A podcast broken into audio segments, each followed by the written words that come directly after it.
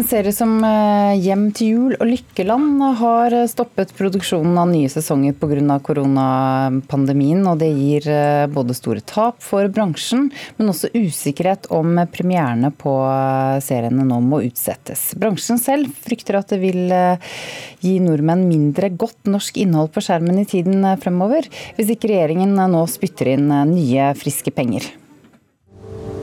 Hvis det er olje på Ekofisk, så skal vi være forberedt. I første omgang er det Stavanger som skal gjøre seg klar for ny industri.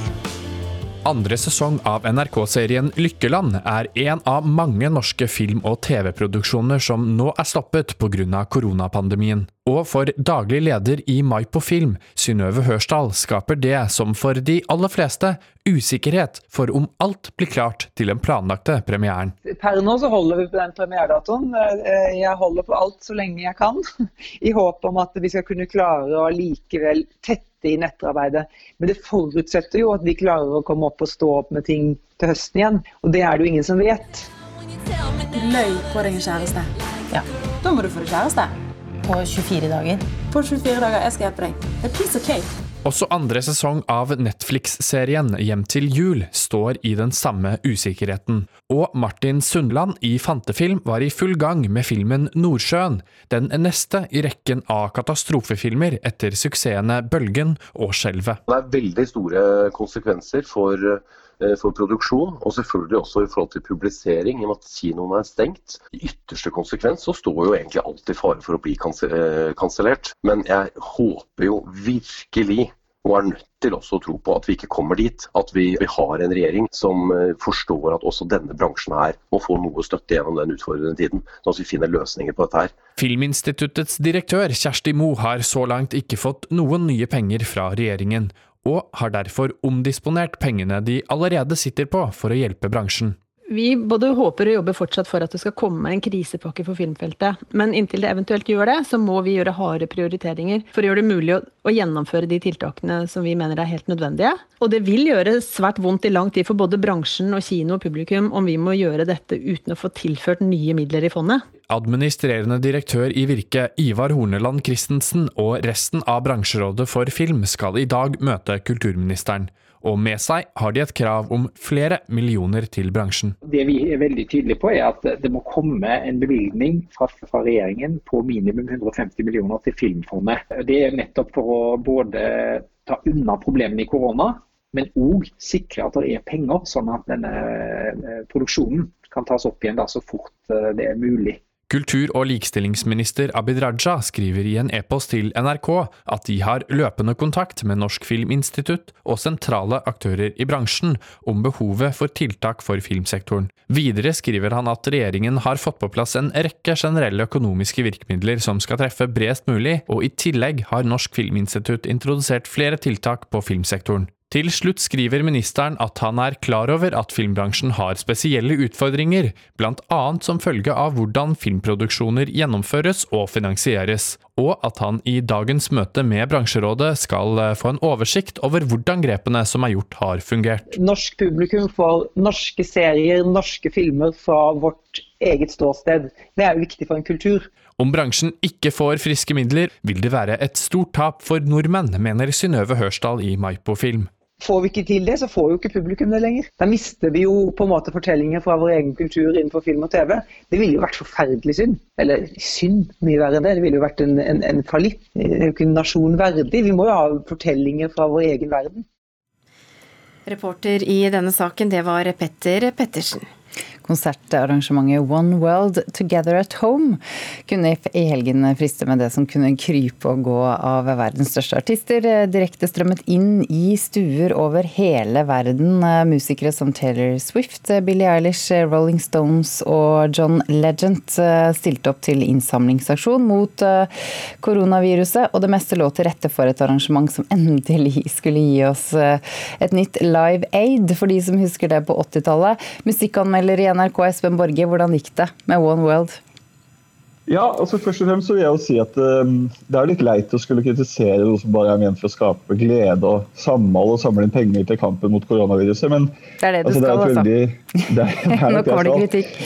Ja, det kommer litt kritikk til meg. for Det, altså, det er et veldig beundringsverdig initiativ, men altså, vi fikk en veldig amerikansk produksjon. Det var et veldig tungt USA-fokus med veldig overprodusert emosjonell inderlighet og veldig lite optimisme og positivitet, egentlig. Okay. Det var litt rart. Rart.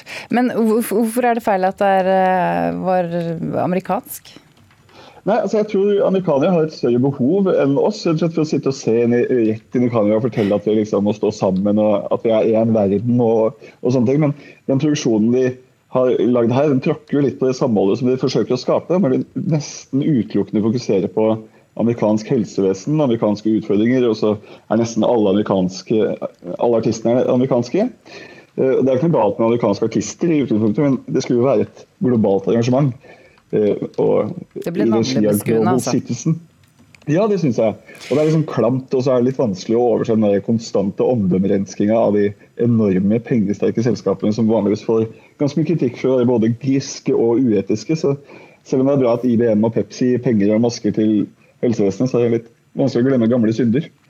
Men hvordan var det musikalske nivået, da?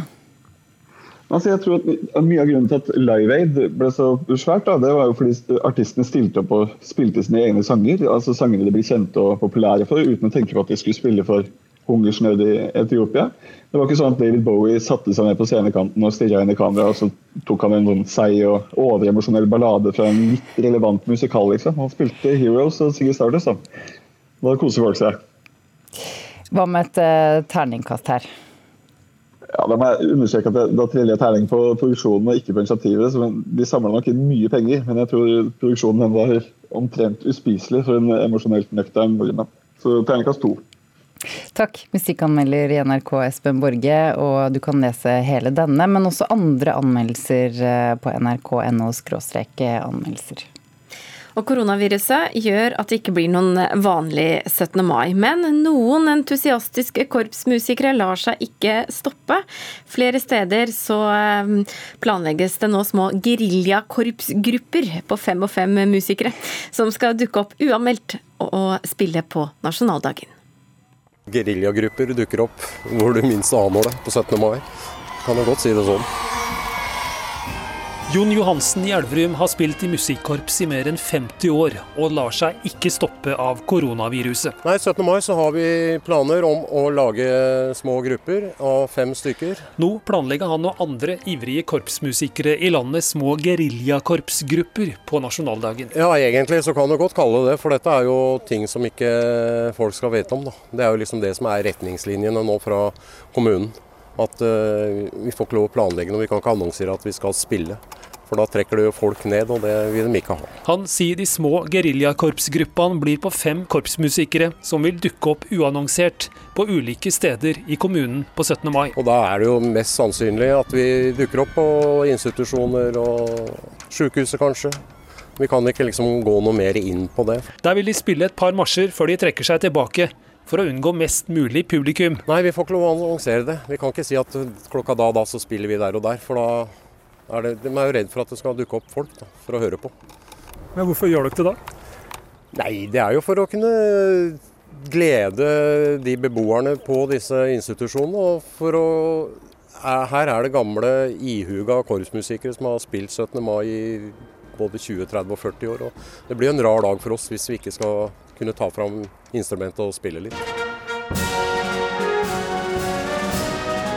Det er mye entusiasme uti, uti her for at uh, de syns det er fælt at det ikke skal være korpsmusikk 17. mai.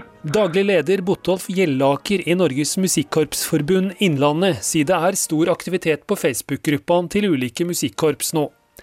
Han sier mange korpsmusikere ønsker å spille på nasjonaldagen, men smitterestriksjonene gjør det vanskelig. Vi har jo sett på nett og på sosiale medier at det er satt i gang litt øvinger, og at folk har stått langt fra hverandre og spilt. og Det er, det er noen eh, som prøver, og da vil antageligvis andre følge etter, hvis det blir tilrådelig da. Helsemyndighetene sier at maks fem personer kan være sammen med to meters avstand mellom hver. Hvis vi begynner å se på to meter i alle retninger og et korps på 30 musikere, så blir det ganske langt. Uh, korps, tror jeg. Å få kontakt med hverandre og få spilt veldig bra da, det kan vel bli vanskelig. Flere korps vi har vært i kontakt med sier det er veldig mange som har lyst til å spille på nasjonaldagen. Norges Musikkorpsforbund sier de venter på avklaringer nasjonalt for å vite hva som blir lov å gjøre. Skjønner at for folket og for korpsmusikantene sjøl òg, så er dette vanskelig. Det er jo et ønske om å spille på nasjonaldagen. Så vi får håpe at vi kan få til noe, men eh, vi må følge det helsemyndighetene og det myndighetene kommer med. Mange steder i landet skal salutter, flaggheising, korps og kransenedleggelser filmes, siden mange folk ikke kan være sammen pga. smittefare. Men for noen ivrige korpsmusikere er ikke det nok, sier leder i Elverum Janitsjar, Jon Johansen. Vi har lyst til å vise oss fram 17. mai, som vi har gjort i alle år ellers. Og vi kan jo ikke la den koronakrisa ta helt lurven av oss. Det syns jeg ikke. Og sjøl om snøen ligger mange stand i landet, skal de klare å få øvd før nasjonaldagen, sier han. Grupper ned på fem. Da tror jeg vi kan treffes i en eller annen hage til en eller annen. Så tar vi det der. Så da kan det hende det blir levende korpsmusikk ute på nasjonaldagen også i år. Geriljakorpset, eller geriljagrupper, dukker opp hvor du minst aner det på 17. mai. Så nei, det blir spennende. Men eh, at det skjer noe, det, det gjør det. Det var kronprins Olavs eh, honnørmarsj som vi hørte til slutt med Forsvars, eh, Forsvarets stabsmusikk. Reporter i denne saken, det var Steines Eide. Musikkorps med geriljagrupper, så det er lov, altså. Det er lov. Ja, nå er det sånn at um, Da beskjeden kom 12.3 om at alle skoler og universiteter skulle stenge, så var det en god del unge som jublet. De syntes at det virket herlig med hjemmeskole i pysj. Men hvordan går det nå, en måned etter? Nei, sånn som jeg tolker det, så går det jo veldig greit, egentlig. Det er ikke, som jeg skjønner, noe panikk eh, ennå. Joakim Paulsen er elevrådsleder på Finnsnes ungdomsskole. I en måned har tiendeklassingen jobba hjemmefra, alene fra gutterommet. Før vi begynte, så var det jo sånn at vi gleda oss til å kunne sitte og gjøre matematikk i slåbroken. Nå begynner det kanskje å bli litt kjedelig, nå har ikke lyst til å troppe opp på skolen? Nå er det ikke like artig å sette og gjøre matte i slåbroken, for å si det sånn. Nina Nylund er kontaktlærer for 10D på Finnsnes ungdomsskole. I dag er hun nesten helt alene i det store bygget. Nå har vi jo morgen, morgenkaffe klokka halv ni, der vi møtes på Teams. De som vil det er jo frivillig, men ganske mange er med der. Så har vi jo de fleste dagene så har vi eh, klassemøte med klassen. Da registrerer vi hvem som er til stede, men hvordan er oppmøtet, da? Oppmøtet er veldig bra. Men alle elevene sier jo nå at de på en måte ønsker seg tilbake til skolen. Hvordan går det med deg? Nettbrettet er blitt det viktigste verktøyet for både lærere og elever under koronaen. Nå ringer Nina Nylund opp Kristina Leiknes. Der. Jeg mista lyden lite grann. Jeg synes at leksene liksom er blitt mye mer kreative enn det de var i starten. Sånn som I engelsken så skal vi må vi liksom gå tur på ca. en halvtime, tror jeg det var. Og så skal vi ta tre bilder, og så skal vi liksom lage en sånn podkast der vi forteller om bildene. Hva savner du med å ikke være på skolen? Først og fremst det sosiale, at man får møte alle vennene sine der. og det, det, er jo ikke minst en plass man skal lære, men at man også har en sånn samlingsplass. da. Det savner jeg jo. Og så savner jeg jo uh, det må kunne lære med lærerne. At man ikke er nødt til å sende melding hver gang man trenger litt hjelp. For da kan man fort føler seg kanskje litt masete. Det man savner selvfølgelig, er jo den, det å møte hverandre og det være den sosiale biten. Men sånn rent faglig så får veldig mange visst det de kan på en god måte. Reporter eh, det var Linda Pedersen.